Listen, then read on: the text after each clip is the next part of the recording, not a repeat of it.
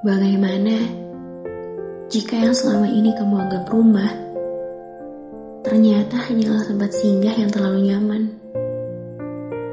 Bagaimana jika yang selama ini kamu ajak berjalan beriringan, ternyata hanyalah orang yang akan menyakitimu terlebih dalam?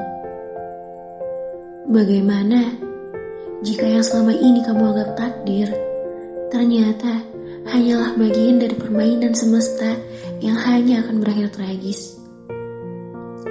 Bagaimana jika yang selama ini kamu ucap segala kalimat kasih juga janji-janji, ternyata hanyalah bualan manis yang tak punya arti. Bagaimana jika selama ini sebenarnya kita tidak saling membutuhkan? Kita hanya takut sendirian, juga tak mau merasa kesepian. Mungkin kamu tidak pernah benar-benar membutuhkanku. Kita sama-sama tak pernah sungguh dalam menyimpan rasa. Atau mungkin semua ini telah memudar.